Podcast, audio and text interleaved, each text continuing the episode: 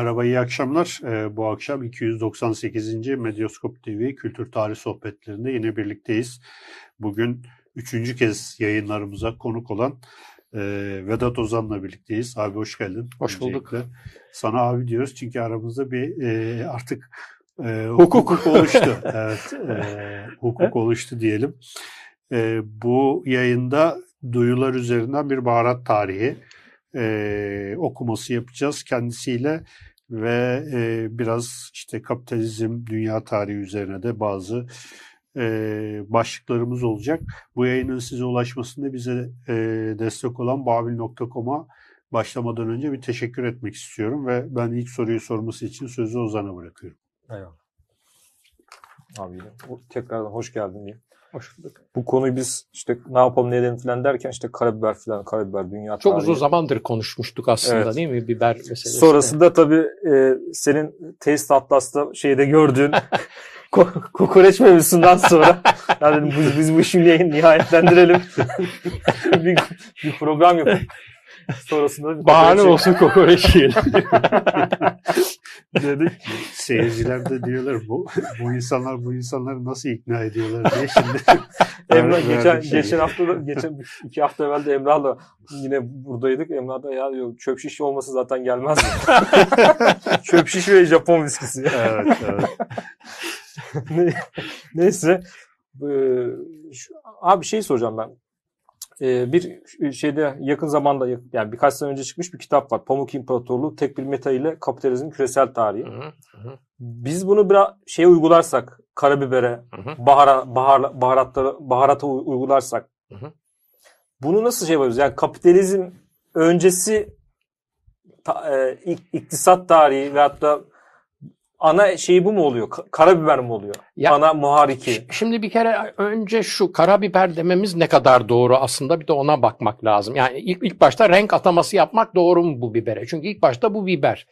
Ne zamana kadar biber? İşte beyaz Avrupa eski kıtalı insanlar yeni kıtaya ayak basıp da orada ona benzer acılıkta bir şey bulup da e, onu buraya getirene kadar aslında biber bu veya tane biber yani ama oradan geldikten sonra kırmızı biber, karabiber diye bir ayrıştırmaya gidiyoruz. Aslında oradan gelen şey biraz tırnak içinde çakma diyebileceğim. Tam biber değil ya. Bir de Botanik aile olarak aynı değil. Aktif malzeme içindeki aynı değil. İkisi de sadece yakıcılar. Tek benzerlik bu ikisi Yani. arasında yani. Ee, biber tabii çok önemli. Ee, yani hakikaten e, pek çok bahar var. Ee, yani baharat dediğimiz alanın içinde pek çok farklı bahar var. Ee, ve bunların hepsinin farklı farklı fiyatları, farklı farklı erişilebilirlikleri var ama şey olan, standart olan yani sektörün altın standardını oluşturan diyelim bizim tane biber dediğimiz biber.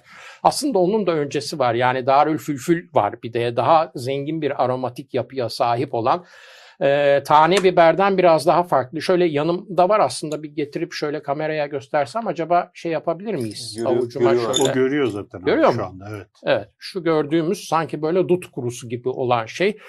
Çam Ee, kozalağının böyle e, Şam ince- kozalağının minyatürü gibi Minyatürü duruyor gibi, hakikaten. Ee, bunu kırdığımız zaman yani tam yemek servisinden önce tabii çünkü çok hafif e, şeyleri aroma molekülleri çok çabuk uçuyorlar. Dolayısıyla tam yemek servisinden önce yani yemek pişerken tencerenin içine değil yemek servisine hemen önce koyduğumuz zaman hakikaten bizim bildiğimiz tane biberden çok daha zengin bir aromatik yapısı ve farklı bir yakıcılığı var yani. Şimdi bu, yak- darülfülfül mü? bu? Darülfülfül bu. Yani fülfül ağacı aslında. Ha. Fülfül de şeyden geliyor, Pipali'den geliyor. Ta Sanskrit'e kadar gidiyor. İş Pipali de bibere verdikleri isim. Biz de Hmm. buna işte biber ağacı denmiş, Darülfülfül denmiş. Çin ağacı dediğimiz zaman nasıl Darı Tar- Çin diyoruz, Çin tarçın diyoruz. e, Buna da Darülfülfül denmiş. Fakat diğerinin daha verimli olması, daha zor koşullarda yetişebiliyor olması tabii tane biber daha zaman içinde şeyini e, egemenliğini ilan etmiş. Bu silinmiş. E, Bugün için bu coğrafyada bile yani çok fazla ismini bilen olmayabilir e, ama bir attar dükkanına gittiğiniz zaman e, illaki bulabiliyorsunuz yani Darülfülfül. Tavsiye ederim lezzete düşkün Ben şimdi olanlara da. ilk, de, ilk kez senden duydum abi. Öyle mi? evet. Yani Ben kesin alacağım. tavsiye ederim. Bir havan veya bir şeyle bir değirmenle yemekten hemen önce çok güzel bir deneyim yaşatır. Ee, nereden geldik? Biberden geldik. Kara biberden geldik. Tabii yani pek çok şeye e, yarayan yani a- pek çok e, alanda bir araç haline gelmiş bir bahardan bahsediyoruz biber dediğimiz zaman biz. her ne kadar biz bugün sadece sofralarda tuzun yanında yemeğin üzerine serpilen bir şeyden bahsediyor olsak da mesela şey öncesinde sanayi devrimi ve işte tıp endüstrisi dediğimiz, ilaç endüstrisi dediğimiz alanın çıkmasının öncesinde tabii ki pek çok hastalığın önlenmesi için bu tip şeyler kullanılıyor. Yani ya baharat kullanılıyor ya aromatik bitkiler kullanılıyor.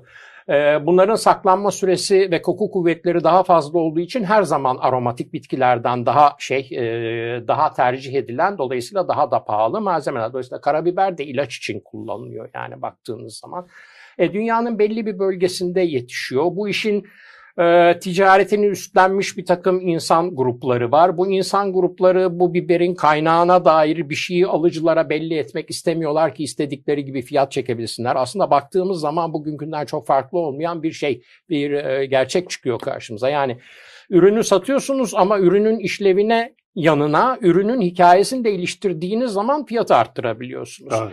Bugün ne oluyor? Markayı iliştiriyoruz. Marka hikayesiyle beraber ürünün fiyatı artıyor. O zaman da işte ürünün elde edilme zorluğu veya işte işlevselliği üzerinden bir takım hikayelerle ürünün fiyatını arttırabiliyoruz. Bunda hikaye şu aslında. Ee, diyorlar ki bu karabiber aslında erişilmesi çok zor bir şey değil. Yani bunlar böyle şeyde duruyorlar, ormanda duruyorlar, geniş alanda beyaz beyaz biberler ağaçlardan sarkıyor. Fakat kötü olan şu dip yılan kaynıyor. Hmm. Ee, dolayısıyla biz burayı yakmak zorunda kalıyoruz ki bu yılanlar buradan uzaklaşsınlar. Tabii yaktığımız zaman da iki şey oluyor. Bir o beyaz taneler siyaha dönüyor.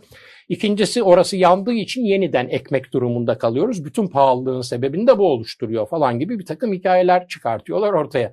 Tabii aslında böyle değil çünkü biberin hani biliyorsanız yeşil yeşil şeyleri vardır. Böyle bu bildiğimiz karabiber aslında yeşil birer meyve yani. İçinde de tohumu barındırıyor onun için meyve diyorum. E, bu zorluk hikayeleri tabii sadece biberle sınırlı kalmıyor bu arada. Tarçında da buna benzer bir şey vardır. Yani e, tarçın e, şimdi baharatı böyle bir şey üzerinden fiyata göre sıraladığımızda tarçın yukarılarda yer alıyor. Yani biber en çok el değiştiren e, dolayısıyla görece daha ucuz tarçın tabii daha pahalı. Niye bu kadar pahalı falan diye sorulduğunda e, şey diye izah ediyorlar. Yani tarçın çünkü çok zor elde edilen bir şey. Ee, onu sadece bir kuş türü toplayıp yuvasına götürüyor. Yani biz bulamıyoruz da. Kinamologus kuşunda ismi. Hatta isim de kinamon, kinamologus'tan geliyor. Ee, ve o kuş yuvasına taşıyor. Yırtıcı da bir kuş. Dolayısıyla gidip oradan almanın imkanı yok. E, almanın imkanı yok da siz nasıl alıyorsunuz? E, onlar da diyorlar ki biz o yuvanın dibine gidiyoruz. İşte eşek falan kesiyoruz. Etlerini bırakıyoruz ortalıkta. Kuş geliyor. Etleri toplayıp yuvaya taşıyor fakat yuvayı tasarlarken etlerin ağırlığını da düşünerek tasarlamadığı için bir süre sonra yuva çöküyor. Bizim de çok küçük yaştan beri sadece koşmakla eğittiğimiz bir takım küçük çocuklar var. Salıyoruz onları koşup koşup getiriyorlar şeyleri tarçınları diye. Şimdi tarçın aslında ağacın iç kabuğu tabii hiç bunlarla bir ilgisi yok. Evet. Fakat bu zorluk hikayesi fiyatın pahalı olmasını izah eden bir şey araç haline gelmiş oluyor. Ee, ilaç olarak kullanılıyor bu baharatın bir kısmı. Bir kısmı e, inanç sistemlerinde kendine karşılık bulabiliyor. Mesela tarçın işte Tevrat'ın içindeki bir parfüm formülü, şemen hamişah denilen sürülebilen yağ formunda bir şey. E, bir parfüm formülünün içindeki bileşenlerden bir tanesi olabiliyor. E, hepsi şeyden geliyorlar tabi doğudan geliyorlar. Daha çok kutsal topraklar da bu tarafta olduğu için böyle bir şey anlam da kazanıyor. Dediğim gibi hem inanç sisteminin pratiğinin içinde yer alıyorlar hem de o taraftan geldikleri için arkalarına öyle bir rüzgar da alıyorlar. E, artı tabii bunlar lezzeti de arttırıyorlar. Yani lezzeti arttırıyorlar derken iki yönlü arttırıyorlar. Bir kısmı bir kompozisyon öğesi olarak lezzeti arttırmakta kullanılıyor. Bir kısmı da e, henüz buzdolabının söz konusu bile olmadığı dönemlerde e, mevsiminde elde edilen bir takım şeylerin daha uzun süre muhafaza edilmesine yardımcı olmak için kullanılıyor. Hmm. Yani işte ne bileyim ben bugün sucuk yapıyorsanız sucuğun içinde de bahar var sonuçta. Tabii bu arada baharat dediğimizde çok geniş bir aileyi kastediyoruz. Tuz da giriyor zaman zaman bunun içine. Tuz da aynı şey gibi e, bahsettiğiniz pamuğun dünyayı değiştirmesi veya biberin dünyayı değiştirmesi gibi tuz ticareti de çok önemli biliyorsunuz. İşte Venedik falan bunlar hep tuz ticareti üzerinden e, imparatorluklarını kuran yerler ki e, şey bir hikaye de vardır bilirsiniz e, e, Roma'da belli bir dönemde e, askerlere e, gittikleri seferlerin uzaklığı ve gittikleri seferin zorluğuyla orantılı olarak değişen o miktarda olmak üzere her ay belli bir tuz istikakı veriliyor. E işte sale, salaryumdan bugünkü salary yani maaş Maaşa. kelimesinin de kökenini oluşturduğuna dair de bir söylentisi var. Dolayısıyla e, baharat çok önemli. E, aranan bir şey. E, talep çok fazla fakat arz her zaman için çok kısıtlı. Bundan sebep de hep pahalı ola gelmiş bir malzeme. E, Böyle olması, bu kadar pahalı ve aranıyor olması, ilaçlarda da kullanıyor olmasıyla aslında ön plana çıkıyor. Çünkü bugün bildiğimiz gibi markete gideyim de baharat reyonunda şunu alayım, bunu alayım gibi bir durum yok. Yani zamanında baharata erişebilmek bir varlıklı veya soylu olmayı gerektiren bir durum. Yani köyünde yaşayan insanın öyle çok kolay en fazla ulaşabileceği şey aromatik bitkiler tabii. Dolayısıyla baharata erişim çok zengin bir şey değil. E, ilaç olması da aslında bakarsan bizde de çok ilginç bir karşılık buluyor. Çünkü specie, speciale yani spice kelimesine baktığımız zaman geriye gidiyoruz. Specie veya speciale. İtalyanca'da speciale deniyor mesela. E, speciale bize ispenciar diye geçiyor. Fenni ispenciari bizde ilk şey eczacılık düzenlemesi. Hmm. E, hatta ilk şey de öyle, kararname de öyle çıkıyor. Fenli ispa- ispençiyari müstahzarat diye bir şey çıkıyor ortaya. E işte yani nereden geliyor? Baharattan geliyor sonuçta.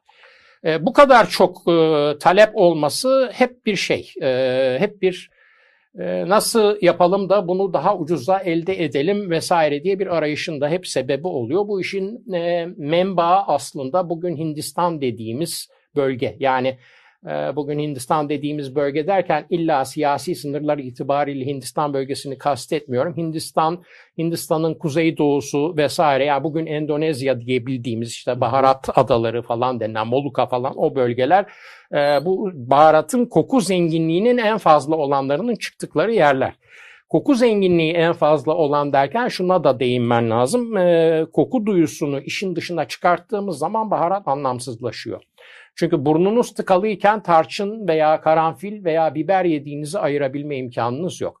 Hepsinde birbirine yakın derecelerde bir yakıcılık ancak hissedebiliyoruz. Onun dışında tanımlama yapmamız yani e, benim yediğim de tarçındır diyebilmemiz veya benim yediğim işte karanfildir diyebilmemiz koku duyumuz vasıtasıyla ancak gerçekleşebiliyor. Ki koku duyumuz derken de e, koku duyusunun iki kanallı çalışan bir duyu olduğunu unutmamamız lazım. Yani sadece biz burnumuzla ve dışarıdan koku almıyoruz. Lezzet üzerinde esas belirleyici olan ikinci kanal. Yani dışarıdan aldığımız ve koku dediğimiz o ortonazal kanaldan gelen bir uyarı var.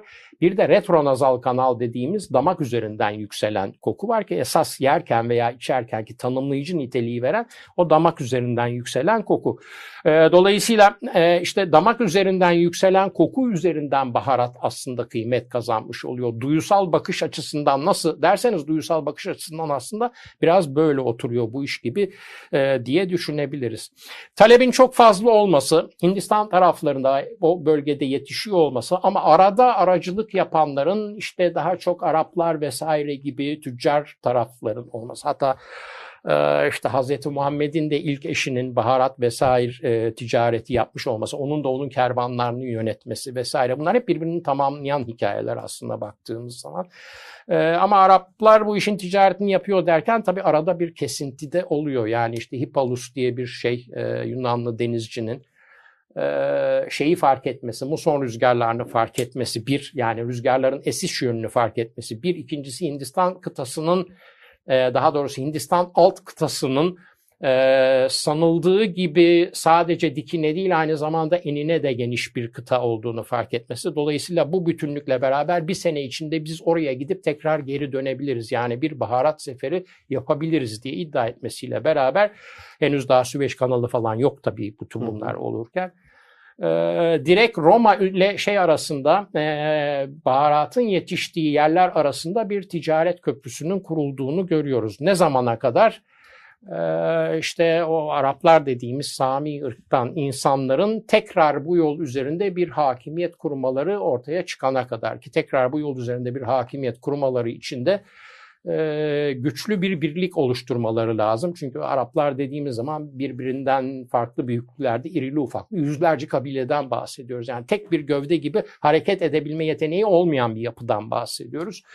E, işte 600'lü yıllarda çok farklı bir şemsiyenin altında bir araya gelmeleri e, ve işte İslam'ın ortaya çıkmasıyla beraber işte bir dönem 600-620 tane Arap kabilesinin o şemsiyenin altına girip tek bir komutla hareket edebilir halde olması ee, ve zaten e, Hz. Muhammed öldükten 4 yıl sonra da o Arapların ellerinden kaçırmış oldukları baharat ticareti üzerinde en önemli yerlerden, haplardan yani antrepolardan bir tanesi olan İskenderiye'nin gene onların eline geçmesiyle beraber yolda gene bir şey gelirin paylaşımında gene bir şey değişimi yaşanıyor. Yani kim bu işten para kazanıyor da gene bir değişim yaşanıyor. Ne zamana kadar? Gene birkaç yüzyıl bu böyle gidiyor ama İstanbul'un yani Konstantinopol'un tabii ki Osmanlı'nın eline geçmesi ve Osmanlı'nın üzerinden baharat geçen yolda oturuyor olmasından sebep yeni vergiler oluşturabilmesi vesaire. İşte Batı'da o romantik bir isimle keşifler çağı dediğimiz şeyin başlamasının sebebi oluyor. Aslında keşifler çağı dediğimizde bir şey tedarik arayışı var orada. Yani biz bu malzemeyi nereden elde ederiz? Yoksa yani ben gideyim bir yeri keşfedeyim de işte televizyona çıkayım, dergiye kapak olayım falan diye ne Vasco da Gama, Magellan falan bu insanların böyle niyetleri yok tabii ki.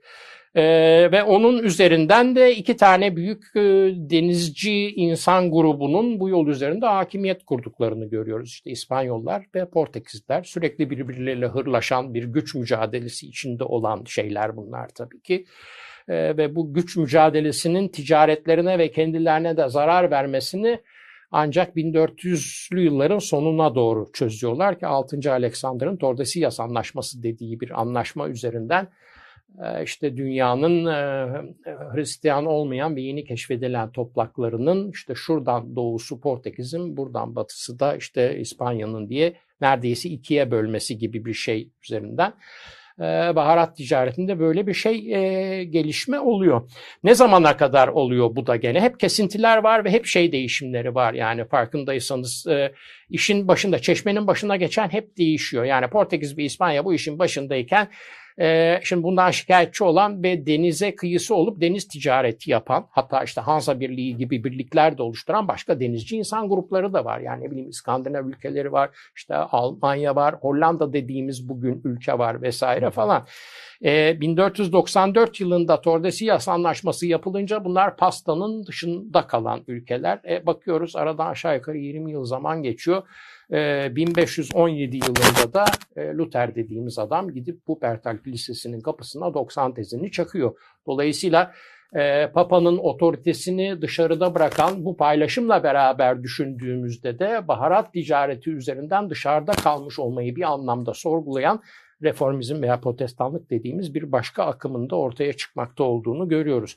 Tabi bunların çıkışlarında sebep sonuç ilişkisi olarak belki baharat ticaretini göremeyiz ama şey bir bir korelasyon olduğu kesin. Yani ben bunun dışında bırakırsan ben de seni tanımıyorum demiyor belki. işte sen cennette yer satıyorsun ee, veya ne bileyim senin işte artık ayrı bir ruhban sınıfı oluşturduğun bu işin çıkış noktasına aykırıydı falan gibi eleştiriler geliyor ama kenardan bu da bir gerçek olarak çıkıyor karşımıza. Ee, bizi bugüne getiren de aslında burası oluyor. Çünkü o şeyle beraber e, baharat ticaretinin dışında bırakılmış ülkelerden bir tanesi bizim bugün Hollanda dediğimiz yer ki e, Hollanda aslında bir ülke değil biliyorsunuz. Aslında o ülkenin içindeki eyaletlerden sadece bir tanesi. Ağaçlı şey, ağaçlı ülke Holtland yani dediğimiz yer. E, burada e, şeyden kaçan e, yani gene sonunda İspanyollarla Portekizlilerin e, şeye rağmen birbirleriyle tekrar hırlaşmaya başlamaları ve şeylerin Hollandalıların Portekizlikleri getirdikleri malları dağıtırken İspanyollar tarafından ablukaya uğramaları şu bu falan derken e, ticaret Antwerp'ten Amsterdam limanına yani daha protestan kontrolünde olan bölgeye daha çok kayıyor. E, oraya kaymasıyla beraber aslında bizim bugün içinde yaşadığımız ekonomik ve sosyal sisteminde ilk şeyleri atılıyor, ilk tohumları atılıyor diyebiliriz. Çünkü biz bugün içinde yaşadığımız ekonomik ve sosyal sistemi her ne kadar sanayi devrimine bağlıyor olsak da sanayi devrimi bir teknik değişimler manzumesi aslında. Bunun bir e, hukuki yapısı, sosyal yapısı, e, mülkiyet üzerinden bir söyleminin olması lazım ki o teknik devrimi de onun üzerine oturtalım ve kapitalizm dediğimiz yapı çıkabilsin karşımıza. E, teknik kısmını dışarıda bırakırsak bahsettiğimiz diğer hukuki çerçevelerin pek çoğu aslında bu dönemden sonra çıkıyor ortaya. Evet. Şimdi hocam uzun, bu uzun Çok girişten, uzun girişten sonra giriş sırasında benim Biraz de aklıma bir sürü şey geldi. Mesela bu baharatların e, din inanç sistemleriyle olan ilişkisi üzerine e, mesela bizim e, İstanbul'daki işte Patrikhane'de bir mürya Evet. imalatı Mürrü vardı. safi, evet. evet. E, işte bilmem kaç yüz tane baharat karıştırılır ve 10 senede bir bu büyük bir ayinle e, bil- bildiğim kadarıyla yani her yıl yapılan da bir şey değil. İşte bu sene de yapıldı hatta ve e, yani bayağı işte e, nasıl söyleyeyim e, konu da oldu yani e, bir takım insanlar gittiler orada e, buna şahit oldular falan. Bütün bütün bağlı Mes olan aslında kutsal mes yağı, Evet. sür- sürme yağı yani. Evet yani evet. vaftiz olurken Evet. işte e, kullanılıyor vesaire. E, ama mesela bu e, bunun imalatı burada yapılıyor ve bağlı işte kiliselere işte pat, patrikhaneye bir bağlılık şeyi o. İskenderiye'ye şuraya buraya gönderiyorlar vesaire. Ya bu açıdan baharat bu baharatların kullanımıyla inanç şeyi arasında yani siz konuşurken benim aklıma öyle bir e, şey geldi. Tabii Bu baharat bizim taktığım aslında teknik olarak baktığımızda kokulu malzeme hepsi. Evet. Yani kokulu oldukları için kıymetli olan malzemeler. Kokuları olmasa olmayacak. O, o parfümü de yani o sürülebilir parfüm, kutsal mesya, şemenamişa. Ee, o- onu da aslında kokulu unsurlar olmasa o da bir işe yaramayacak. Ya, geri kalan sadece bir zeytinyağı çünkü aslında bakarsanız. Dolayısıyla genelde bir kokulu maddeler kavramını kafamıza oturtursak duyusal yaklaşım daha şey net olarak çözülebiliyor yani o anlamda. Peki hocam şimdi bu e, baktığımız zaman Orta Çağ ve geç antik çağ ve Orta Çağ diyelim hadi. E, bu e, bu dönemde e, özellikle işte bu e, talebin olduğu yerlerdeki mutfak nasıl bir mutfaktı da insanlar bu kadar bunun için böyle deli oldular e, ve işte çeyizlerine falan koydular e, bu baharatları. Dünyayı vesaire. değiştirdiler. Değiştirdiler. Evet, hakikaten. işte yani evet. şey miras bırakabiliyorsunuz. Yani dört tane tarçın çubuğunu miras bırakabiliyorsunuz. Mesela bu kadar kıymetli bir şeyden bahsediyoruz. Zenginliğin tarifi bunun üzerinden yapılabiliyor daha doğrusu öyle söyleyeyim. Yani e, ne bileyim e, işte şey e, karanfil dediğimiz şey yani bizim bugün işte ne bileyim ben çok fazla öne ayva tatlısı yaparken içine iki tane attığımız çok da önemsemediğimiz karanfil zamanında art, altınla eşit. Yani bir kilo karanfil bir kilo altın karşılığında el değiştirebiliyor. Zenginliğin tarifini yapabiliyorsunuz. Ya bu Prester John meselesi vardır. Daha önceki yayınlarda anlatmış mıydım hatırlamıyorum ama böyle doğunun bir fiktif şeyi var. Hristiyan kralı var. Yani gerçekte var olmayan fakat var olduğu söylenen hatta papayla da mektuplaştığı falan söylenen yani çünkü Hmm. e, işte o WhatsApp falan olmadığı için o tip bir iletişim kuruluyor. E, o öyle bahsedilen bir e, muhterem var ki bu işte çok zengin çünkü ülkesi hemen cennetin yanında. E, ülkenin yeri nerede derseniz yani birkaç yüzyıl süren bir söylenti içinde ülkenin yeri hep değişiyor. Yani kimi diyor ki işte yukarıda şey e, Gürcistan, Ermenistan hemen oralarda zaten yukarısı cennet diyor. E, kimisi diyor ki yok Etiyopya'nın oralarda, oraları sıcak zaten işte bu şeyler, e, dünyalar oralarda yer alıyor falan diye. E şimdi bu adamın şeyi tarif edilirken Prester John'un e, zenginliği tarif edilirken baharat üzerinden yani bunun ülkesinden öyle bir ırmak akıyordu ki ırmağın başlangıcı cennetteydi. Irmağın sularına biber ağaçlarından karabiber taneleri düşüyordu. Ve öd ağaçları vardı. Öd ağaçları ki kıymetli bir malzemedir öd ağacı da aslında koku dünyasında.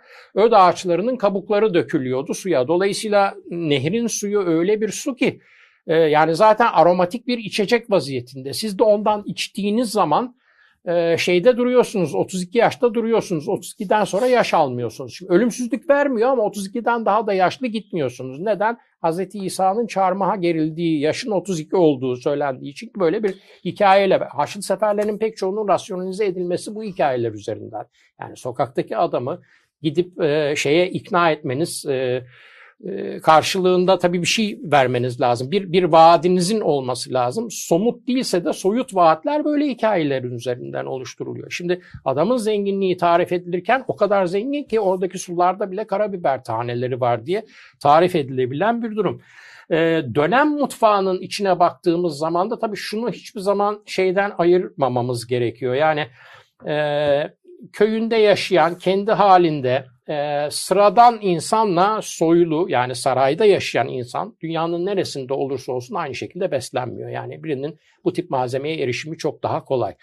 E, dolayısıyla hem doğuda hem batıda saray mutfaklarının içinde bu tip aromatik malzemenin çok zengin yer bulabildiğini, belli bir zamana kadar çok zengin yer bulabildiğini görüyoruz. Belli bir zamandan sonra bir devrim oluyor diyebiliriz. Yani sadeleşme e, yemeği pişirmede içerideki ana unsur neyse biz onu hissetmek istiyoruz. Yani üstüne gelen o kadar çok şey var ki biz işin yola çıktığımız yeri kaybediyoruz falan gibi bir yaklaşımla e, daha sonra uzaklaştırıldığını görüyoruz ama ilk başta çok fazla baharat kullanıldığı kesin yani bütün şeylerde, bütün mutfaklarda. Onların içinden bütün bu sadeleşmeye tek direnen de karabiber oluyor. Neden? Çünkü karabiber e, ne karanfil gibi, ne tarçın gibi, ne muskat cevizi gibi hepsinden farklı bir yakıcılığı var ve şey yok e, bir dominant öğe haline gelmiyor. Tuzla beraber kullandığınızda tuzun üstüne çok fazla çıkmıyor. Halbuki tarçın kullandığınızda tabağı domine edebiliyor. Yani şimdi e, ayva reçeli veya ayva tatlısı veya incir reçeli. Yani onun içine iki tane değil altı tane karanfil attığınız zaman aslında ayva tatlısı mı yiyorsunuz, incir reçeli mi yiyorsunuz, karanfil tatlısı mı yiyorsunuz? İşler karışıyor. Çünkü koku kuvveti çok fazla. Karabiberde bu kadar kuvvetli bir koku olmadığı için e, kabul edilebilir halde sofrada kalıyor. Bu da zaten işte bugün herhangi bir restorana gittiğinizde tuzla biberin yan yana birbirine eşlik edebilir halde karşımıza çıkmasının izahı oluyor. Yani kuvvetli bir şey olsaydı tuzun yanında bugün sofraya gelemezdi. Çünkü o sadeleşmede zaten elenir ve giderdi şeyin altından. Eleği geçemezdi yani. Ee, dolayısıyla dönem itibariyle baharatın çok zengin kullanıldığı bir şey. Ee, bir mutfaktan bahsedebiliyoruz tabii. İşin şey tarafı ama dediğim gibi sadece sınırlı sayıda insanın erişebildiği bir durum olarak. Ee, bunun böyle olmasıyla beraber o demin bahsettiğimiz yere müsaadeniz olursa dönebilirsem şeye tabii. yani bu Hollanda'ya. Ee, bütün bu baskılarla beraber bu insanlar da denizcilik yetenekleri nispeten olan insanlar. Çünkü işte bu kuzey denizlerinde de ticaret birlikleri oluşturulmuş durumda. Dolayısıyla diğerleri kadar olmasa da belli bir deneyimleri var bunların ve baharat ticaretinin dışında bırakılmalarıyla beraber e, şeye gidiyorlar. Yani diyorlar ki biz niye bu baharatı kaynağına gidelim de bunu almayalım diye ve 1594 yılında Compagnie Fanferre yani uzak ülkeler, uzak e, diyarlar şirketi diye bir şirket kuruluyor. Bizim bugün e, Hollanda diye tabir ettiğimiz aslında Nederlands olan yerde. E, bu kurulan şirket 249 denizciyle beraber 4 tane gemi gönderiyor. E, gemilerden sadece bir tanesi geriye dönebiliyor e, ve 89 tane denizci geriye dönebiliyor. 4 gemilik masrafa karşın dönen geminin ambarlarındaki karabiber miktarı bütün sefer maliyetini karşılayabiliyor. Artık küçük de bir kar bırakıyor. Dolayısıyla bu işte bir para var. Yani biz buradan bir çorba kaynatırız diye bir şey. E, bir anlayış oluyor. Ve anlayış olmasıyla beraber tabii bu ticaret tüccarların, bu şirketi oluşturan tüccarları gören e, çevredeki diğer tüccarlarla beraber bir sene sonra, iki sene sonra 22 tane geminin farklı farklı ortaklıklarla 22 geminin sefere çıktığını görüyoruz. 1601 yılına geldiğimizde 60 tane Hollandalılara ait yani işte 60 tane geminin bu ticaretin peşinde e, hareket halinde denizlerde yer aldığını görüyoruz ki bu tabii bir takım dezavantajları da beraberinde getiriyor. Yani e, gelen mallar farklı şirketlere ait gelen mallar aynı anda limana ilirse fiyat inerse fiyatta bir problem oluyor.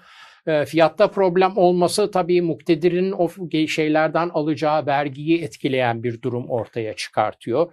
Ee, ve bunun üzerine de Stat General dediğimiz yani işte ne diyelim meclis diyelim yani idare eden kurul, muktedir olan kurul diyor ki siz böyle altı tane şirket oldunuz birbirinizin gırtlağını sıkıyorsunuz aynı işi yapıyorsunuz hepiniz.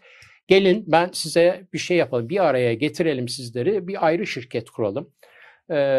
Birleşik Doğu Hindistan şirketi diye. Ben de bu şirkete size bir ayrıcalık yapayım ve 21 yıl boyunca başka hiç kimsenin bu topraklara baharat getirmesine izin vermeyeyim sizin şirketinizden başka diye böyle anlaşmayla beraber kurulan bir şirket görüyoruz.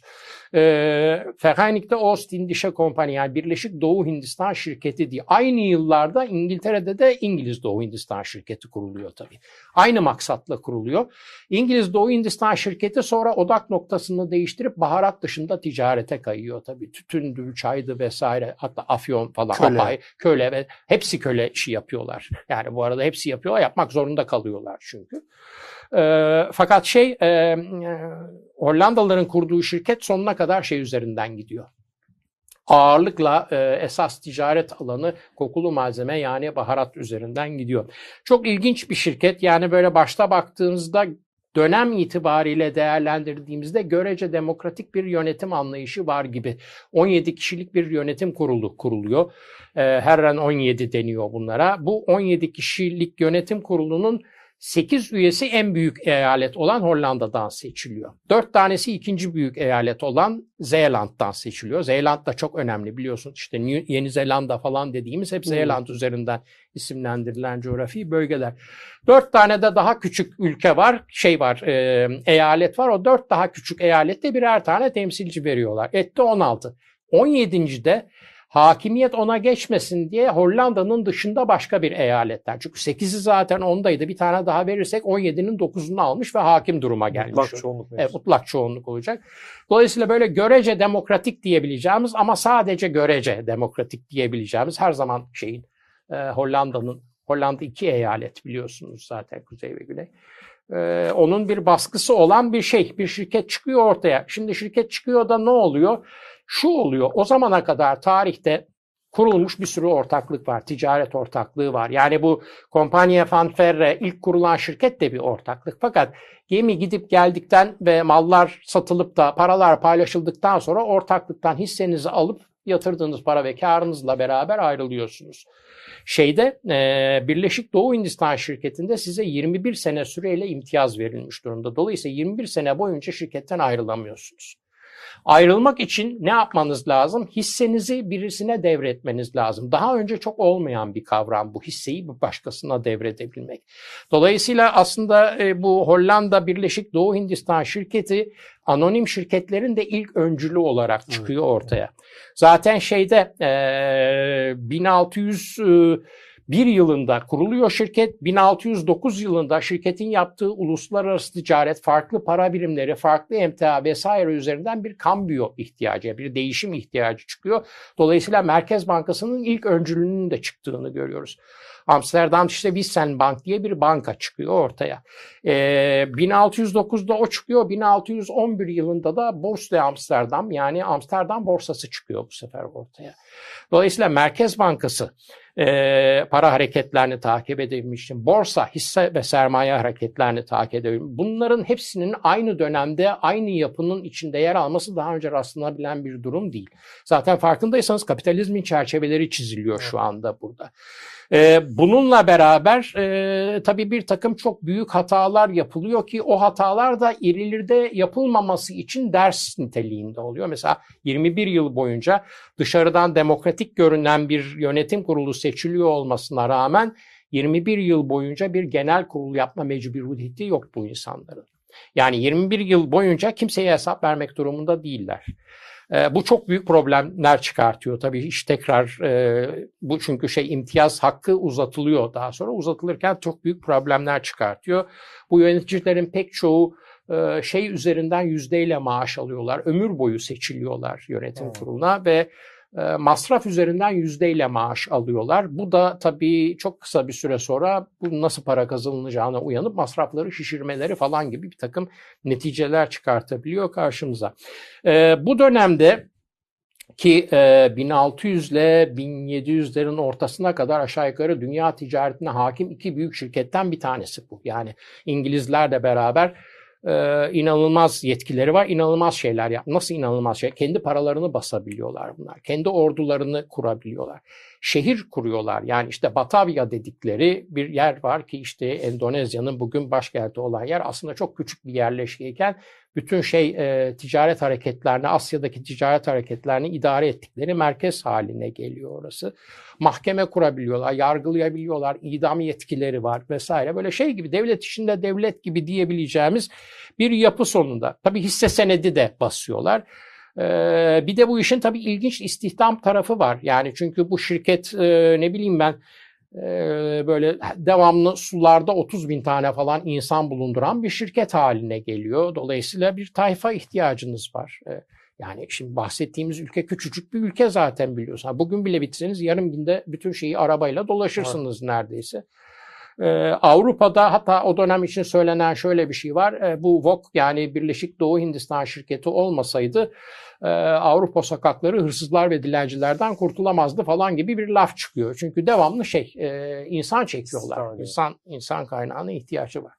Burada da ilk şeyler çıkıyor ortaya mesela. ilk iş ve işçi bulma kurumlarının da gene bu dönemde bu şirket aracılığıyla çıktığını görüyoruz. Çünkü tayfa ihtiyacı var. İşte ne bileyim Almanya'dan genç çocuklar geliyorlar ben tayfa olacağım falan diye. O an onları istihdam edecek şey yoksa, gemi yoksa orada bir müddet bir şekilde bir yerde hayatlarını idame ettirmeleri lazım. Ee, bir takım şeyler... E, Zielfeld yani ruh satıcıları dediğimiz bir takım insanlar çıkıyorlar ortaya.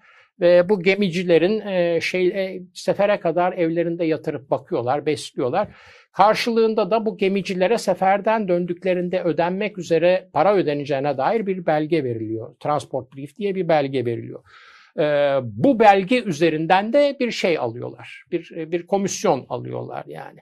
Fakat e, komisyon da vadeli bir komisyon. Yani direkt parayı nakit almıyorlar. Çünkü seferden dönünce alacağı para üzerinden bir iddia bu e, Zielfeld Coopers ruh satıcılarının karşısına bu sefer Ziel Coopers diye ruh alıcıları diye bir müessese çıkıyor. Onu iskonto edip parayı nakit Va- olarak. Vade işlemleri falan evet, başlıyorlar. Şirketin şöyle bir de finansman aracı var. Yani çok şey ilginç bir şirkettir. Türkiye'de genelde İngiliz Doğu Hindistan şirketi çok çalışılıyor. Çok çalışılıyor derken o da aslında çok çalışılıyor. O da çok örnek bir olay. Fakat bu Hollanda şirketi dediğimiz şirket hakikaten çok nadir bulunan bir sürü bugün içinde yaşayıp normalleştirdiğimiz bir sürü şeyin öncülüğünü orada görüyoruz biz yani. Ee, şöyle bir şey var mesela gemi sefere çıkıyor getireceği malı yani almaya gittiği mal daha gemi sefere çıkarken fix bir fiyat üzerinden pazarlık ediliyor. İşte yani future yani gele, geleceğe dönük mal satışları falan diyebileceğimiz. Future işlemler. Evet future işlemler. Yani valla bir sürü şey finansman enstrümanı çıkıyor aslında buradan ortaya. Bu finansman enstrümanlarını aslında işte o teknik değişimlerin üzerine de oturttuğumuz zaman yani ne oldu işte Manchester'da dokuma tezgahı çıktı ortaya falan diye özetliyoruz. Biz sanayi devrimi başlatırken şeyi e, kapitalizme giden yol. O ikisini bir arada telakki etmediğimiz sürece sistemin tamamını oturtmanın imkanı yok zaten. Çerçeveyi ancak bu şekilde çizebiliyoruz. Şey var çok ilginç. E, yapay bir ada var e, Japonya'da. E, Dejima Adası veya Çıkış Adası diye şirket o kadar büyük ki uluslararası ticaret yapıyor. Yani sadece gidip e, ne bileyim ben e, şeyden e, Endonezya'dan karanfili alıp getirip Avrupa'da satmıyor. A bölgesinden bir malı alıyor, hiç kıta Avrupa'sına dönmeden B bölgesinde satabiliyor o malı mesela. Böyle böyle bir takım uluslararası ticaret yerine getiriyor. Kabotaj hakkı falan da yok. Yani o zaman şey Hiç, hiç yok. Yalnız şunun da unutmamak lazım. Bu dönem haberleşme imkanları da çok kısıtlı. Yani e, WhatsApp'tan mesaj atamıyorsun, telex bile çekemiyorsun, hiçbir şey yok. Yani varsa yoksa şey güvercinlerle işte o da yakın bölgeler arasında haberleşme ancak. Ya da gemilerle yani. Ya gemiler işte çok uzun süreli, yani. çok yavaş. Bunun üzerinden çok büyük şey suistimal oluyor tabii. Yani gelmekte olan bir geminin ambarları boş diye söylenti çıkarttığınızda şirketin hisseleri birden borsada düşüveriyor. Söylentiyi çıkartan yönetici gidip oradan hisseleri topluyor. Üç gün sonra gemi geliyor ambarlar dolu ve kaynıyor. Hisseler patlıyor yönetici zengin oluyor falan gibi bir sürü dava var. Bu Spekülasyonlar da başlamış ama. yani insan olan yerde spekülasyon olmamasının imkanı yok tabii. Şey çok ilginç aslında. Bir yanıyla da e, bu e, şey diyelim Amsterdam, e, Londra şeyi nedir e, gerginliği kendini şeyde gösteriyor. E, New York'ta. Mesela, Aa tabii. Tabii. New York'un eski ismi evet. yani ilk kurulduğu evet. ismi New Amsterdam. New, New Amsterdam evet. Sonrasında evet. New York oluyor. Aslında şey Takastır o biliyorsun aslında. Yani Banda takım adaları diye bir takım adalar var. Gene şeyde e, baharat adaları bölgesinde. Orada Run diye küçücük bir ada var. Run adasında da muskat cevizi yetişiyor.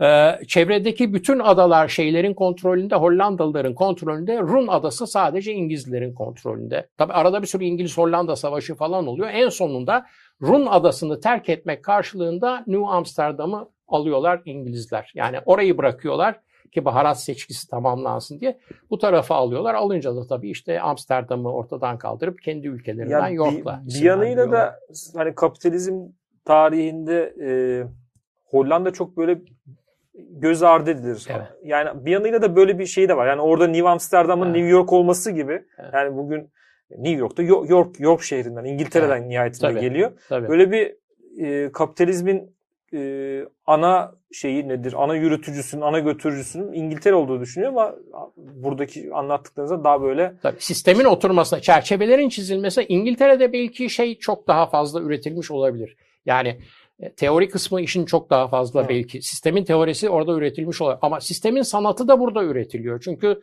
bir Dutch Golden Age, işte Hollanda altın çağı denilen bir çağ var değil mi? Vermeer, Rembrandt, Van Ostade bütün ressamların çıktığı ışıklandırma tekniklerinin resimlerde değiştiği zamanlar hep bu baharattan gelen parayla o boş alan yani bir kültürel alan yaratıyorsun. Paran var ki yapabiliyorsun yani bunları. Ee, zenginleşme ilk defa duyular üzerinden tabloların resmedilmesi mesela o zamana kadar yani e, şimdi hani sizlere resim konusunda şey söylemiş olmayayım hele ki size de.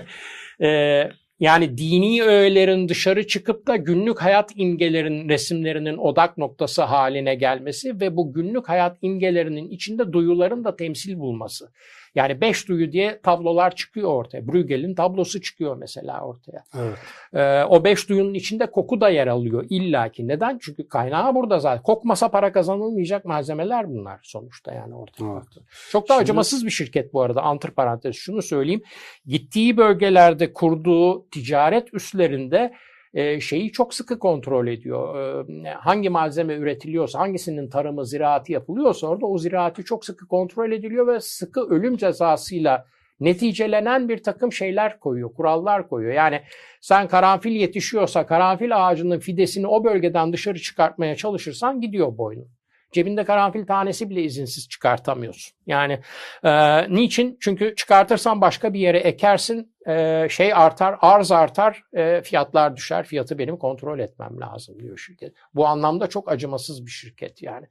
Gerçi sonunda başarılı olmuyor. Peter Poivre, şey Pierre Poivre, e, Biber Pierre denilen bir adam karanfili kaçırıp Mauritius'a falan götürüyor. Fransızlar da bu işte sonunda şey sahibi oluyorlar.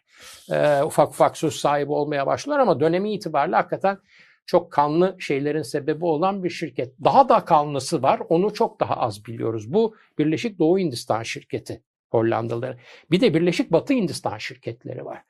Demin Cengiz Bey'in söylediği köle ticareti üzerinden daha fazla onun parası oluyor. Bugün yönetici hanedan yani hala bugün ülkede yönetici olan hanedanın şeyleri de e, ataları da bu şirketlerin ortakları tabii bu arada. Belki bugünkü servetlerinin bile bir kısmının temeli aslında oralardan geliyor. Evet. Hocam şimdi siz bunları anlatırken benim gene aklıma bazı şeyler geldi. Onları paylaşmak istiyorum. Netflix'te bir dizi var Tabu diye. Hı hı. Bu tabuda ha, işte bu İngiliz, Doğu İngiliz Hindistan, Doğu Hindistan e, kumpanyasının kumpasları falan anlatılıyor e, aslında yani oradaki acımasızlığı falan e, görüyoruz ama ya bu bu tarz şirketlerin e, kültürel etkileri de var bir yandan da. Mesela şimdi siz anlatırken o geldi benim aklıma. Bu tayfa ihtiyacı ve yani bir e, çok uluslu bir, çok kimlikli ve çok Hı-hı. uluslu bir e, ticaret şey yapıyor. Mesela Moby Dick'te vardır. Hı-hı. Bilirsiniz Hı-hı. böyle Hı-hı. tayfaların hiçbirisi birbirine benzemez. Hı-hı. Hatta işte en böyle frapan olanları en vahşileri falandır. Farklı diller konuşulur ama işte hepsi Zaten ee, ulus kimliğinin tam evet, o, yani üstü. bir İtalyanın gidip yandan, Amerika'ya İspanya adına bayrak diktiği bir dönemlerden evet, bahsediyoruz. Bir, bir yandan yani. baktığınız zaman bir yandan bir ulusların yükselişi var ama bir yandan da uluslararası bir takım şirketlerin yükselişi var ve bugünkü mesela e, kültürel olarak da bugünkü dünyanın aslında temelleri Hı hı. bir anlamda hem ticari olarak hem kültürel olarak Hı hı. bu ticaretin içinde şekillenmiştir Hı hı. diyebiliriz herhalde. Tabii ki diyebiliriz. Yani bunun üzerinden şekilleniyor zaten. Evet. Bu arada demin söylemeyi unuttum. Aslında şeyle beraber, Vogue'la beraber, anonim şirketin ortaya çıkmasıyla beraber bir dönem neredeyse tamamen kapanıyor gibi. Yani kapanma şeyleri, sancıları başlıyor. Yani merkantilizm dediğimiz. E, o dönemin de artık şey e, sonu gelmeye başlıyor. Fransa'da biraz direniyor tabii işte şey e, 14. Louis ve onların da kurmuş olduğu. Ya o döneme ait keşke yanımda bir harita, bir Hindistan haritası var 1600-1700 arası.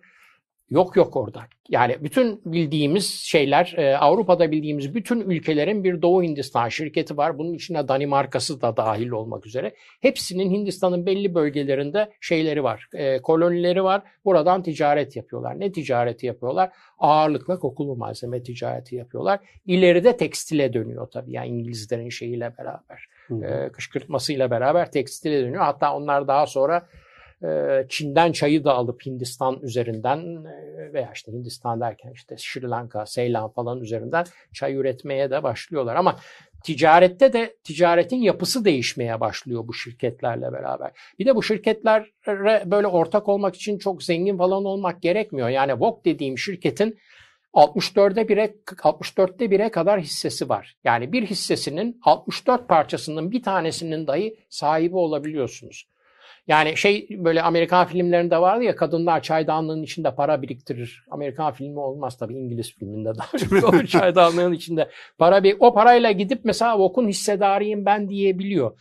Çünkü güzel para veriyor. Senelik %30 kar payı dağıtıyor. Bu arada dağıttığı sadece bu kar payı %30. Çünkü senelik %600 gibi karları var ama işte kale inşa edecek, ordu besleyecek falan dağıttığı kısım daha az oluyor tabii. Dolayısıyla karlı yani bir de işte bütün bu karlılık bütün o ortamdaki zenginleşmenin yansıması olarak bahsettiğim o altın çağ dediğim çağ çıkıyor zaten. Bütün bu ressamlar alıcı buluyorlar. Evet. Yani yani hem para olarak hem duygusal olarak yaptıkları eserler üzerinden bir duygusal karşılık bulabiliyorlar ki bu insanlar bu resimleri yapıyorlar. Ee, korkunç bir kültürel değişim şeyi diyebiliriz. Yani e, Asya ile olan e, tabii bir de bu işin öbür tarafı var. Bir de Amerika kıtasıyla Kolomb değişimi dediğimiz bir başka değişim var. Orada da bugün gelip de bir sürü mutfağı domine eden bir sürü unsur da oradan geliyor. Yani işte bizim mutfağı domine eden domates ve domates salçası oradan gelen bir şey. Bütün Salsa. dünya pastacılığını domine eden vanilya oradan gelen bir şey. Ee, Çikolata. Çikolata evet. Çikolatayı- Sadece iyileri sayıyoruz ama kötüler de var tabii. Çünkü bütün bunların elde edilmesi için işte Afrika nüfusunun oraya yerleştirilmesi, kölelik dediğimiz kavramın ortaya çıkması, hastalıkların buradan oraya, oradan buraya gidip gelmeleri vesaire gibi Ee, çok büyük bir malzeme değişimi, malzeme değişimiyle beraber ona koşut olarak da tabii demin dediğiniz gibi bir kültürel değişim yaşanıyor. Dolayısıyla belki de çok kültürlülüğün farkına varıldığı zamanlar gibi diyebiliriz. Yani sokaktaki insana daha yakın bir fark edilebilirlik seviyesinin oluştuğu zamanlar belki de çok kültürlülük açısından.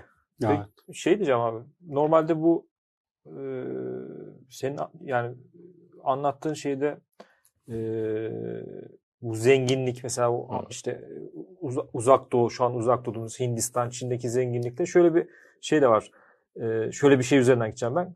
Katalan Atlası var. İşte 1370'lerde yapılıyor. E, Atlas çok ilginç bir şekilde Avrupa'da hiçbir şey yok. Avrupa'da anlatacak hikaye yok. İşte Afrika'da bugün işte Kara Afrika, Fakir Afrika dediğimizde Mansa Musa var. Onun hikayesini anlatıyor. Böyle bir şey bir harita. Ee, nedir? Ee, Çizgi roman çizgi, gibi. çizgi roman gibi. Yani ya- yanında hikayeler anlatıyor. İşte izleyenler de internetten girip Katalan Atlası dediği zaman çıkıyor böyle şey halinde. Çin anlatıyor, işte Af- Afrika, e, Arabistan anlatıyor, Anadolu'yu anlatıyor. Ve buralarda sürekli böyle bir şeylik var. Zenginlik, Zenginlik. var. Ama Avrupa'ya döndüğünüz zaman Avrupa'da hiçbir şey yok. Ve So- soğuk var, din var bol bol. so- soğuk yani cidden soğuk var. Yani başka bir şey de yok yani baktığınız Ama zaman işte o yoklukla o beraber. yokluk- o, yani o o, yokluk onun ya ortaya- motivasyonuyla beraber. onu tabii. ortaya çıkartıyor. Bir de şey soracağım. Yani bu e, bunu tabii Avrupa için konuşuyoruz. Belki sonrası için Türkiye için de konuşuyoruz. Bunların hep böyle zenginlik kaynağı olduğunu söylüyoruz ya. Bunlar ne zamandan sonra halka inmeye başlıyor? Yani biz şimdi karabiberi e, Yani Ya, markette bulursun. marketten alabiliyoruz ama- markette de bulursun. Her yerde Her bulursun. yerde var. Bulursun, Ama evet. Tür- mesela Türkiye için konuşursak bunu Evet. ne zaman böyle halka indi? Yani artık pahalı olma yani artık zengin mutfaklarının tercih etmediği bir mal haline geldiği anda zaten gözden düşmeye başlıyor. Zaten e, şeyin e, bu bahsettiğim Birleşik Doğu Hindistan şey Hollandalıların şirketinin birden fazla batma sebebi var. Sonunda batıyorlar. Sebeplerden bir tanesi de sattıkları malın şeyinin e, artık değerinin düşmesi. İngilizler çeşitlendirmeye gidiyorlar ürünlerde. Onun için onlar 1800'lere kadar dayanıyorlar. Zaten en sonunda da batmıyorlar biliyorsun devlete devrediyorlar. Hindistan'ı komple devlete devriliyor Evet. diyorlar yani sonuçta. E, ama bunların e, revaçta olmaktan çıkmaya başlamasıyla beraber gene her baharat kendi fiyat kulvarını muhafaza etmek kaydıyla. Yani daha pahalıyım daha da pahalıyım gibi. Yani hiçbir zaman e, biberle tarçının fiyatı aynı olmamak veya biberle karanfilin fiyatı aynı olmamak kaydıyla o hiyerarşi hep mahfuz kalmak kaydıyla e, çok daha ucuzluyor tabii yani. Ama bugün de çok ucuz değiliz. Biz çok az kullandığımız için kilo fiyatının farkına varmıyoruz aslında. Çünkü Evet. şeyi çok fazla, etkisi çok fazla. Yani koku kuvveti dediğimiz şey çok fazla baharatta. Zaten aromatik bitkiden ayıran o. Yani e, koku kuvveti ne demek? Şöyle izah edeyim. E, bir ortamda karanfil olduğunu anlamamız için gereken karanfil miktarı bir birim diyelim mesela. Aynı ortamda mesela kekik olduğunu anlamamız için gereken kekik miktarı 3 birim. Dolayısıyla karanfil 3 misli daha kuvvetli kekiğe göre. Bu şeyi kolaylaştırıyor. Yani yükte hafif bahada ağır dediğimiz kavram. Çok az bir miktar emtia ile çok büyük bir zenginliğin sahibi olabiliyorsunuz. Tekstil de pahalı, kumaş da pahalı ama kumaşı tutup taşımak zorundasınız. Zor yani bu iş. Ee, Dolayısıyla böyle şeyler de etkili. Yani e, çok koku kuvveti fazla olduğu için ne kadar karabiber bir ayda harcarsın ki yani. Bir de karabiber alırken hiçbir zaman kiloyla almıyoruz. Hep küçük poşetlerde 50 gram 60 gram falan gibi alıyoruz. Öbür türlü hesapladığında zaten alası gelmiyor insanın. Ama öbür türlü hesapladığında çiklet de alamazsın zaten. Kilo fiyatına vurduğunda çok pahalılar hepsi yani. Şimdi siz bunları söylerken benim aklıma şey geldi hocam. Kahve meselesi. Şimdi mesela bugün yani o sonuçta o da bir e, bir çeşit baharat gibi bir şey yani. E, ve şu anda dünyada petrolden sonra en güçlü ticari emtia kahve. Evet. Ve bütün dünyada içilen, tüketilen bir şey. İşte plantasyonları yapılıyor ve baktığınız zaman mesela 1900 hani 50'lerde, 60'larda, 70'lerde Türkiye'de hani böyle bir şey yoktu. Bir sürü alışkanlığımız değişti ondan sonra. Eskisi gibi e, çay da içiliyor tamam ama Zaten Bak- 48'den sonra çay aslında Evet. resmen Türkiye'de bir Evet. cumhuriyet projesidir Evet, çay evet, yani aslında. evet. Ee, yani aslında varlıklarını öyle ya da böyle bir şekliyle hani sürdürüyorlar ve hani dediğim gibi dünyada petrolden sonra en, en güçlü ticari emtia haline de gelmiş e, şeylerden bir Evet. tanesi. yani. Son yasal e, şey diyorlar, narkotik diyorlar. Last legal drug diye geçiyor. Çünkü Yakın- o kafeinin o şey hali var ya ekstra bir enerji vermiyor ama yorgun hissetme halinizi aşağıya çekiyor. Dolayısıyla siz toplamda enerjikmiş gibi hissediyorsunuz. Dolayısıyla sıra dışı bir şey yapıyor. Ama Evet. kahvede ve kakaoda e, ilerisi çok aydınlık görünmüyor. Yani e, prob- üretimde problem dolayısıyla talep sürekli artıyor fakat arz talep artışını karşılayabilecek bir oranda artmıyordu. İleride problem olacak Çikolata için deniyor. öyle ben öyle bir şeyler duydum. Hatta daha fazla içine işte fındıklı, bademli karıştırıp Evet, şeyini evet. çikolata şeyini Ya düşürelim. falan oralardan neler çıkıyor? Çikolatada falan var öyle şeyler yani biliyorsun bugün Onu da o sürülebilir şeyler, e, sürülebilir çikolatalı fındıklı şeylerin ortaya çıkış sebebi aslında Napolyon'un o kıta ablukası yapıyor ya şey e, yasaklıyor. İşte o dönemde e, şeyin e, İtalya'da bir girişimcinin eline yeteri kadar kakao gelmediğinde kakao yerine buna %30 kadar fındık koyayım ben idare edeyim durumu falan diye. Piemonte bölgesinde fındık da yetişiyor çünkü. E, fındıklı çikolata dediğimiz kavram çıkıyor. Yani şimdi bugün tercih edilen bir şey opsiyon gibi kullanıyoruz. Zamanında mecburiyetten yapılan bir şey. Adam malzeme bulamadığı için yapmış bunu. Hocam ben onlardan yedim. Öyle? Çok iyi yani. Yani zaman- Nutella o zaman- falan şey yanında. Evet. O İtalya'nın özel Evet. e, Ganduya diye bir şeyleri Hak var. Esas bir yani. markaları var. Ganduya diye hakikaten böyle şeyle yani cidden beraber. çok iyi şimdi. şey, Ama muazzam. zamanında böyle mi yorumlanıyor onu bilmiyorum. Çünkü aslında bu bir seyreltme. Bu bir Evet. bir anlamda e, yani saklamadan yapıyor ama tahşiş ediyor gibi yani aslında bakarsan. Sahtekarlık var yani. Sahtekarlık demeyelim de yani söylüyor çünkü yani Evet. bu sadece kakao değil diyor ama yani insanlar mecbur kalıp tabii onu alıyorlar. Yani bu- Evet, bu çok şi- ilginç Şimdi bir konu içine ya yani. palmiye yağı falan katıyorlar. işte. Nasıl?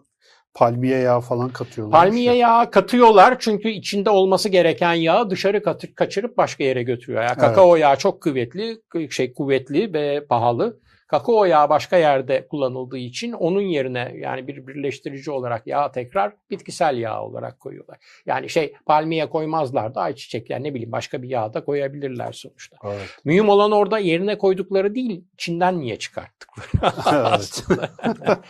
Pahalı olduğu için. Yani lezzet tabii bütün bu konuştuklarımız işte e, ne o bileyim ben. diğer kavanozları Bunlar, da bunda hocam yıldız anason var. E, bu yıldız anason şöyle bir göstereyim efendim. Şöyle yıldız sizi anason. hocam. Evet. E, bu da normal anason. Aslında anason bu. E, ikisinin de yalnız şeyi e, kokusunun karakteristiğini veren ortak bir molekül var. Anetol diye bir molekül var. Yani biz kokuları hep böyle tek bir şeymiş gibi düşünüyoruz ama e, mesela şu yüzlerce farklı molekülün bir araya gelmesiyle beraber ortaya çıkan bir kokuya sahip. Bu moleküller sınırsız sayıda değiller doğada. Dolayısıyla bir sürü malzemenin içinde ortaklar. E, anasonun kokusunu veren anetol molekülü bu yıldız anasonun içinde de olduğu için biz bunu da anason diye isimlendiriyoruz. Aslında Hmm. bu da anason falan değil yani şeyine baktığımız zaman. Ee, bu, bu ikisi böyle ilginç bir örnek. Bu anetolün de bir ilginç özelliği vardır. Şekere göre 11-12 kat daha tatlıdır. Ee, daha tatlı olmasından sebep de girdiği içecek veya yiyeceği de şekerden fazla tatlılaştırır aslında. Ee, hangi yiyeceklerin içine giriyor onu çok düşünelim. Burada dipterik sodarata var. Tonka fasulyesi diye. Bu Kolomb değişimiyle ortaya çıkan bir şey. Amerika'dan, Orta Amerika'dan, Mezoamerika'dan geliyor. Ee, böyle şey gibi e, bakla tanesi gibi görüyorsunuz. Evet. Ee, Kuru üzüme benzettim. Nasıl? ben. Kuru üzüme benzettim böyle buradan. Kuru üzüm gibi de olabilir. Evet. Kararmış bakla tanesi veya fasulye tanesi gibi yani iç taneler gibi de olabilir.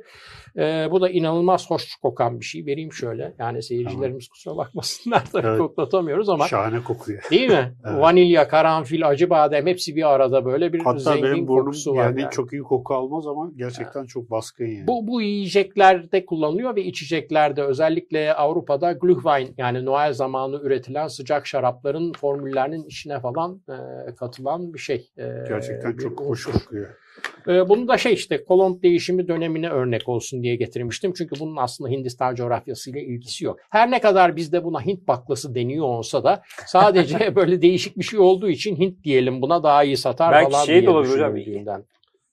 Şeyde e, Amerika'ya da ilk başta West Indies, Ba- Batı Evet, Hint, diyorlar ya ondan da olmuş olabilir yani. Bir, bir taraftan da Hindi Turkey falan hikayeleri de var ya bir şeyler. Evet.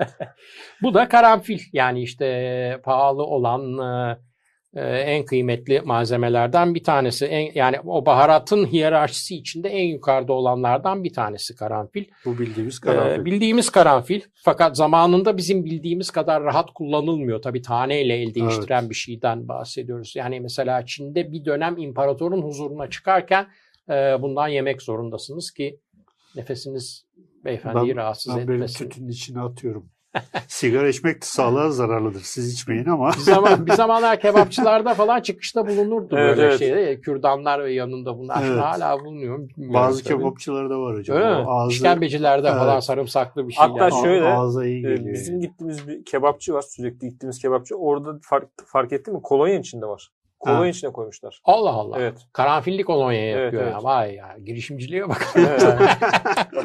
Sonuçta bütün bu konuştuklarımız aslında şuna getiriyor bizi. Ya bunlar hep has kaynakları, lezzet kaynakları. Yani biz insanlar e, diğer canlılardan ayrışarak ki ayrıştığımız bir sürü noktadan bir tanesi de bu. Yani biz temel biyolojik ihtiyacımızı karşılamak için beslenmiyoruz. Biz haz veya keyif üzerinden bir değişim süreci başlatmışız. Yani biz şekeri sadece e, bana enerji veriyor, beynimin ödül merkezini besliyor diye yemiyoruz. Keyif verdiği için, hoşumuza gittiği için yiyoruz ve şekerler arasında seçim yapabiliyoruz zevkimize göre. E, bu da aslında bir iddiaya göre tabii e, şeyimizin e, evrim denilen o sürecin e, ana motorlarından bir tanesi olduğu söyleniyor. Bu anlamda tabii ilginç bir şey yani. Evet. Evet. Hocam yavaş yavaş toparlayalım. Öyle Çok mi oldu? key- güzel keyifli. güzel bir kısa bir Ne konuşuruz kapitalizm kapitalizm tarihi kapitalizmin giriş sa- tarihi bir oldu. saatte, bir saatte kapitalizm tarihi baharatlar üzerinden. Hiç girmedik Marx'a, Grundrisse'ye falan yani onların çok söyledikleri şeyler Abi, var onu tabii. birazdan program programın devamında program sonrasında pardon. O zaman senin soracağın Yok. bir şey var mı? Hocam son olarak söylemek istediğiniz bir Sağ şey olun. varsa Herkese sabrı için teşekkür ediyorum. Sizleri de e, Medyascope'da tebrik, tebrik ediyorum. Bu programın bu kadar e, sağlam bir şekilde devam edebildiği için. Evet, Yani. 300'e 300'e son Maşallah. iki, son Abi iki ne zaman geldi ilk- ne zaman geldi hatırlamıyorum ama herhalde Daha yüz yoktu ortada. Değil mi? Tabii Evet. yüz yoktu. Yani yüzün Twitter'da tantanasının döndüğünü hatırlıyorum çünkü Evet, yani. evet. Artık 300'e geldik. Hocam çok teşekkür ediyoruz. teşekkür ediyorum Ee, efendim. çok güzel, keyifli bir yayınım oldu. Bugün konuğumuz Vedat Ozan'la birlikte baharatlar üzerinden bir e, tarih okuması diyelim de, e, yapmayı denedik. E, kendisine tekrardan teşekkür ediyoruz. 298. yayınımız burada sona eriyor. Bu yayının size ulaşmasında bize destek olan babil.com'a yine bitirmeden önce ve ayrıca Patreon destekçilerimize de tekrardan teşekkür ediyoruz. İyi akşamlar diliyoruz.